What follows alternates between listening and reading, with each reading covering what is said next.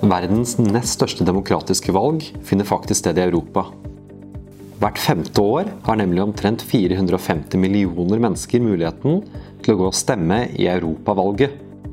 I 27 forskjellige land kan EU-borgere gå og stemme på sine representanter til Europaparlamentet. Europaparlamentet har totalt 705 seter, og antallet representanter per land regnes ut ifra folketall. Danmark, med sine over 5 millioner innbyggere, har f.eks. 14 seter.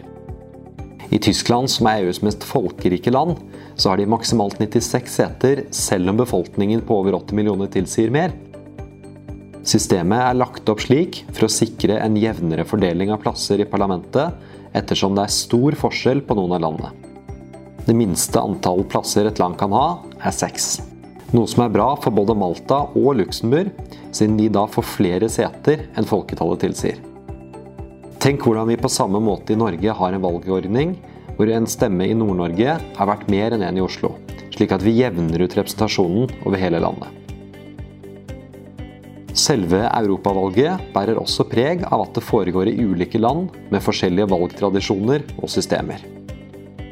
I de fleste av EUs medlemsland er aldersgrensen for å stemme i europavalget f.eks. 18 år, med unntak av Hellas hvor den er 17 og i Østerrike og på Malta er den 16.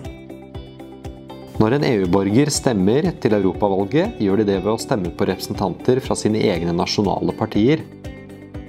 Dersom du f.eks. er tysker og stemmer inn en representant fra Tysklands grønne parti, vil den representanten dra til Europaparlamentet, og når hun eller han er der, vil vedkommende gå sammen med andre likesinnede grønne representanter fra andre europeiske land og samarbeide med dem i en såkalt partigruppe. Europaparlamentet har nemlig ikke egne europeiske partier, men partigrupper som består av samarbeid mellom europeiske søsterpartier. Den tyske grønne representanten vil f.eks. gå sammen med franske grønne representanter, og nederlandske og italienske osv. Etter valget i 2019 fordelte representantene seg på syv ulike partigrupper. Selv om Norge ikke er medlem av EU, er flere norske partier også medlem av disse internasjonale partigruppene. Høyre er f.eks. med i partigruppen EPP, The European People's Party, og Angela Merkels kristendemokrater også er med. EPP er faktisk etter siste europavalg i 2019 den største partigruppen i EU-parlamentet, med 178 seter av 705. Men til tross for at de er størst, kommer ikke Europaparlamentets president fra EPP, Italienske David Sassoli, som har vært Europaparlamentets president siden 2019, kommer nemlig fra den nest største partigruppen, SND for kort, eller i sitt fulle navn på engelsk Progressive Alliance of Socialists and Democrats in the European Parliament. Når Europaparlamentet samles, skjer det enten i såkalt plenum, hvor alle er til stede, eller i mindre komiteer som diskuterer konkrete saker, akkurat som i andre parlamenter. Om du spør noen hvor Europaparlamentet ligger, kan det imidlertid hende at du får ulike svar.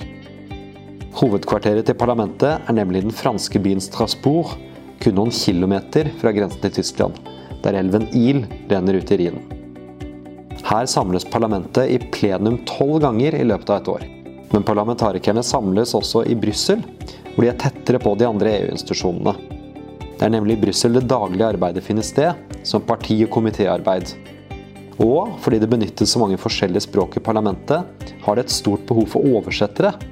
Disse jobber gjerne i Luxembourg, sammen med resten av Europaparlamentets administrasjon.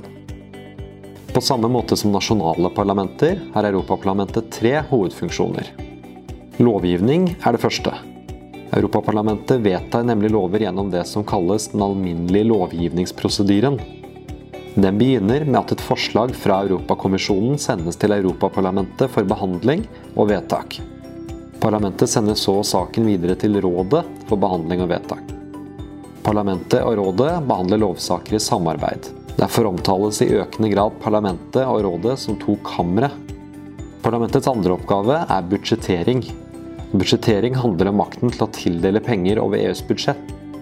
Europaparlamentet vedtar sammen med rådet EUs årlige budsjett, og har slik stor makt til å påvirke.